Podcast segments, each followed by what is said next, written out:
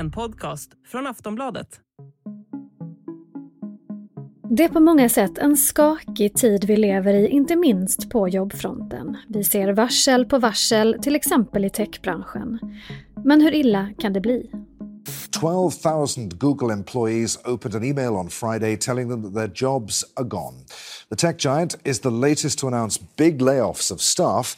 It follows others like Meta, the owner of Facebook and WhatsApp, as well as Twitter and Microsoft. Is the tech bubble bursting again?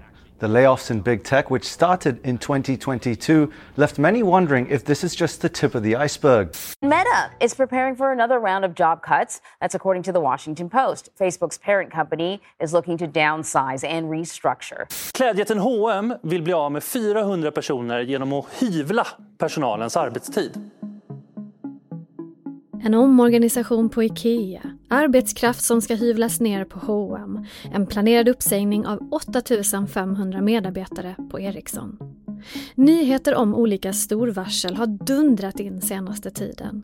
Det rör sig om många tjänster som ska bort och många svenskar som mitt i en tuff ekonomisk kris dessutom riskerar att bli av med jobbet.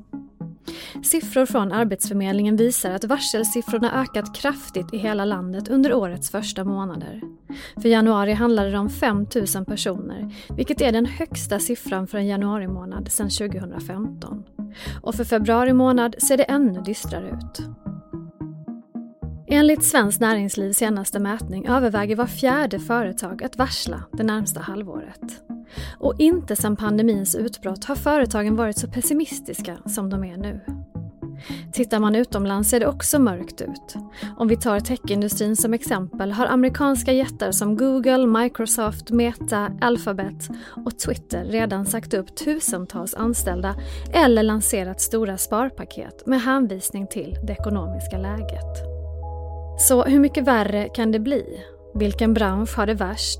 Vilken har det lugnast och vilka åtgärder gör man för att stävja krisen? Det ska vi prata om i Aftonbladet Daily. Jag heter Olivia Svensson.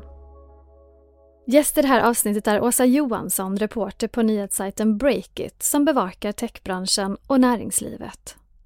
Hon får börja med att svara på vad alla de här varslen är ett tecken på. Nej, men det tyder verkligen på att det är svåra ekonomiska tider.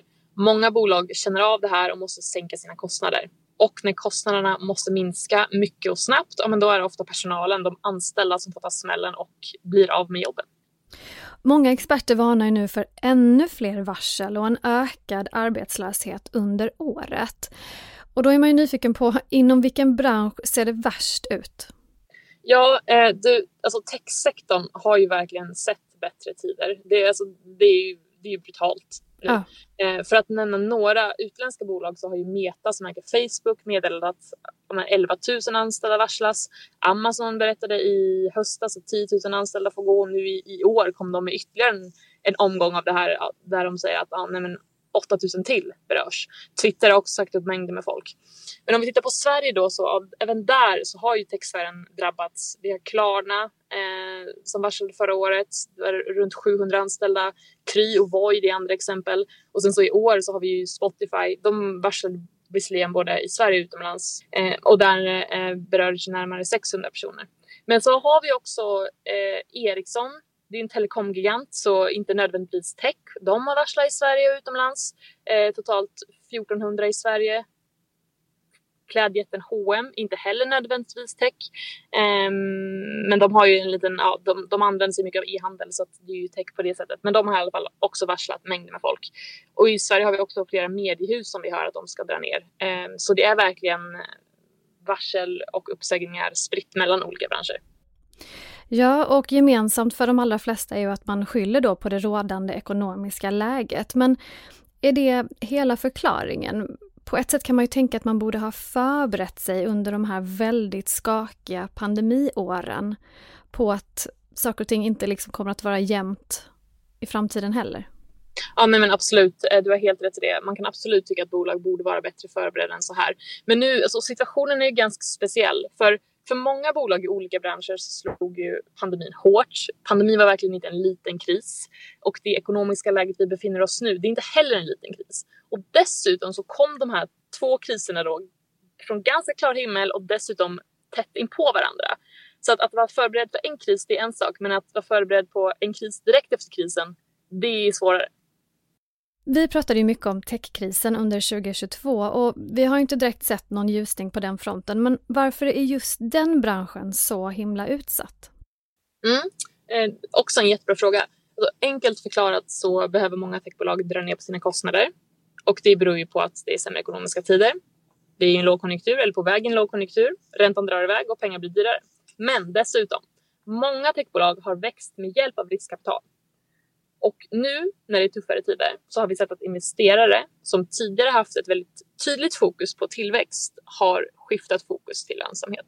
Och det gör i sin tur att techbolag som har haft plattan i mattan, gasat på för att växa, istället måste dra ner på sin hastighet, inte fokusera på att växa, utan de måste bli lönsamma. Och då måste då kostnaderna ner. Eh, och det är då ofta anställda som drabbas. Så investerare håller mycket hårdare i plånboken, vilket också gör det svårare för bolag att ta in mer riskkapital. Så man kan inte luta sig på ja, men vi, vi kommer ta in mer kapital, det är lugnt. Utan nej, man måste stå lite mer på egna ben. Och där kan man väl tänka sig att investerarna kommer att hålla ännu hårdare i pengarna nu med tanke på läget? Ja, alltså både och. Eh, för det finns fortfarande en hel del pengar som ska investeras.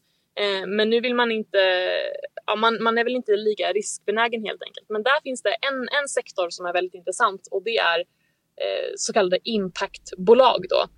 Mm. Som jobbar mycket med, med hållbarhet exempelvis.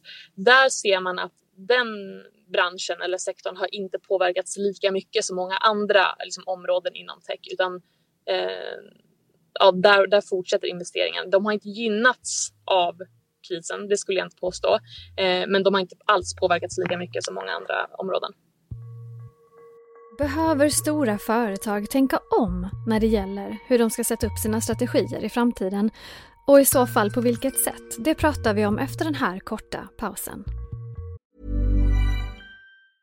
Quality sleep is essential for boosting energy, recovery and well-being. So, take your sleep to the next level with Sleep Number. With a Sleep Number smart bed, you can individualize your comfort level and enjoy a better sleep night after night. JD Power ranks Sleep Number number 1 in customer satisfaction with mattresses purchased in-store. And now the Queen Sleep Number C4 smart bed is only $1,599, a saving of $300 only for a limited time.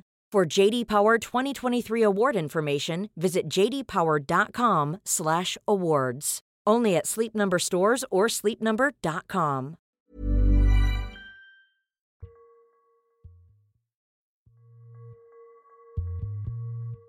Måste företag tänka om när det gäller sina strategier framåt och i så fall hur? Vi hör Åsa Johansson, reporter på Breakit, igen. Ja, alltså, vi ser att det, är många som verkligen drar i bromsen nu och prioriterar lönsamhet över tillväxt. Så är det ju kostnaderna måste ner och det är snabbt och man verkligen måste hålla hårt i sina stålar. Liksom. Eh, men vad som gör det så svårt nu är att vi vet inte vart vi befinner oss i den här, ja om vi kallar det för den ekonomiska krisen. Det är ingen som vet hur länge det kommer pågå. Det här geopolitiska läget vi ser, det gör inte heller saken lättare för det är inte någonting som är särskilt förutsägbart. Men samtidigt, the show must go on. Det går liksom inte bara att sätta sig ner och vänta ut det här den här ekonomiska krisen då. Verksamheterna måste fortsätta, men det blir så himla svårt för det är så här. Okej, okay, hur ska man parera? Vad ska man förhålla sig till? Hur länge och vad ska man ta höjd för? Att det är smart att dra ner på kostnaderna, absolut givet och det är många som gör det. Men man vet liksom inte hur mycket egentligen, för ja, man, man vill ju fortsätta sin verksamhet ändå. Ja, det finns, det finns inga svar. Det finns ingen, liksom, ingen mall, inget facit. Nej, exakt. Är det något varsel som ändå har förvånat dig? Alltså, det som har förvånat mig mest är egentligen hur bolag har skött sina varsel. Ja, berätta. Eh, alltså jag tänker så här, hur det har kommunicerats till anställda att det, nej men nu är det många som behöver lämna sitt arbete och för det är ändå någonting som kan påverka folk väldigt, väldigt mycket. Att, men plötsligt så har man inget jobb. Och ett exempel det är Klarna där vdn Sebastian Siemiatkowski berättade för sina anställda i ett förinspelat tal att bolaget behöver säga upp folk.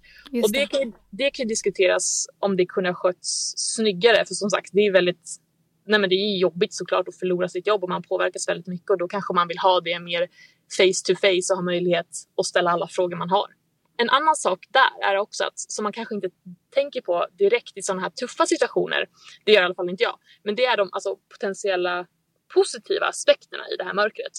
Och ett exempel där är ja, både Klarna och Spotify jobbar nu för kollektivavtal, eller anställda på de här bolagen jobbar för kollektivavtal.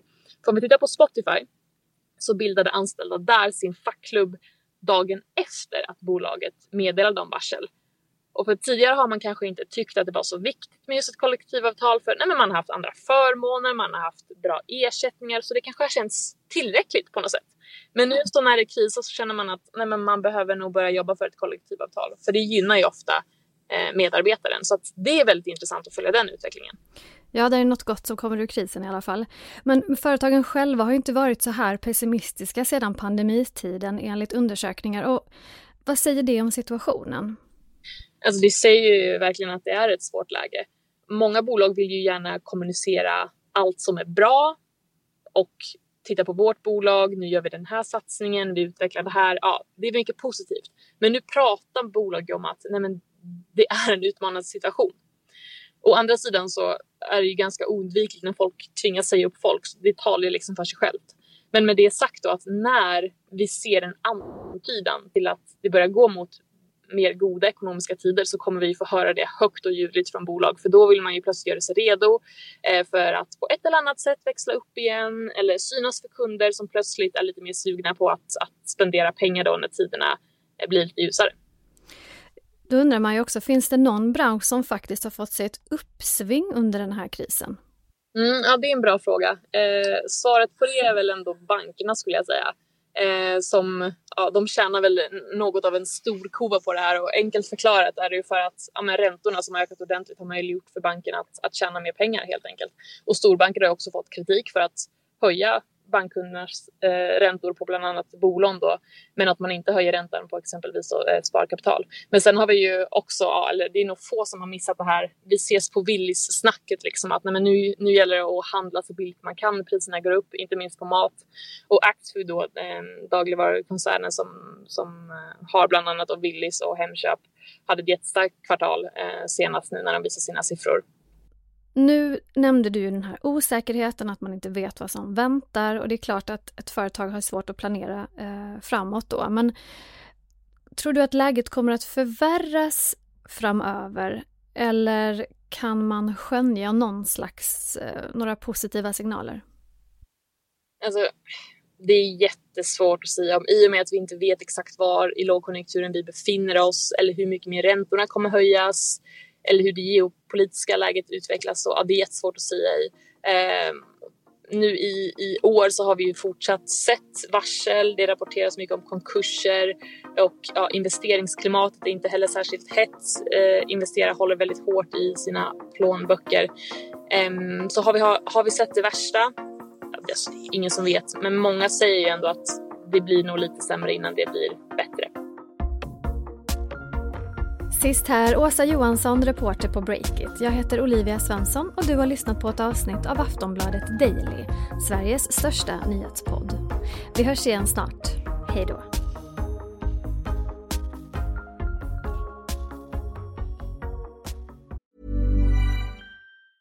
Normally, being a little extra might be a bit much, but not when it comes to healthcare. That's why United Healthcare's Health Protector Guard fixed indemnity insurance plans, underwritten by Golden Rule Insurance Company, supplement your primary plan so you manage out of pocket costs. Learn more at uh1.com. Du har lyssnat på en podcast från Aftonbladet. Ansvarig utgivare är Lena K Samuelsson.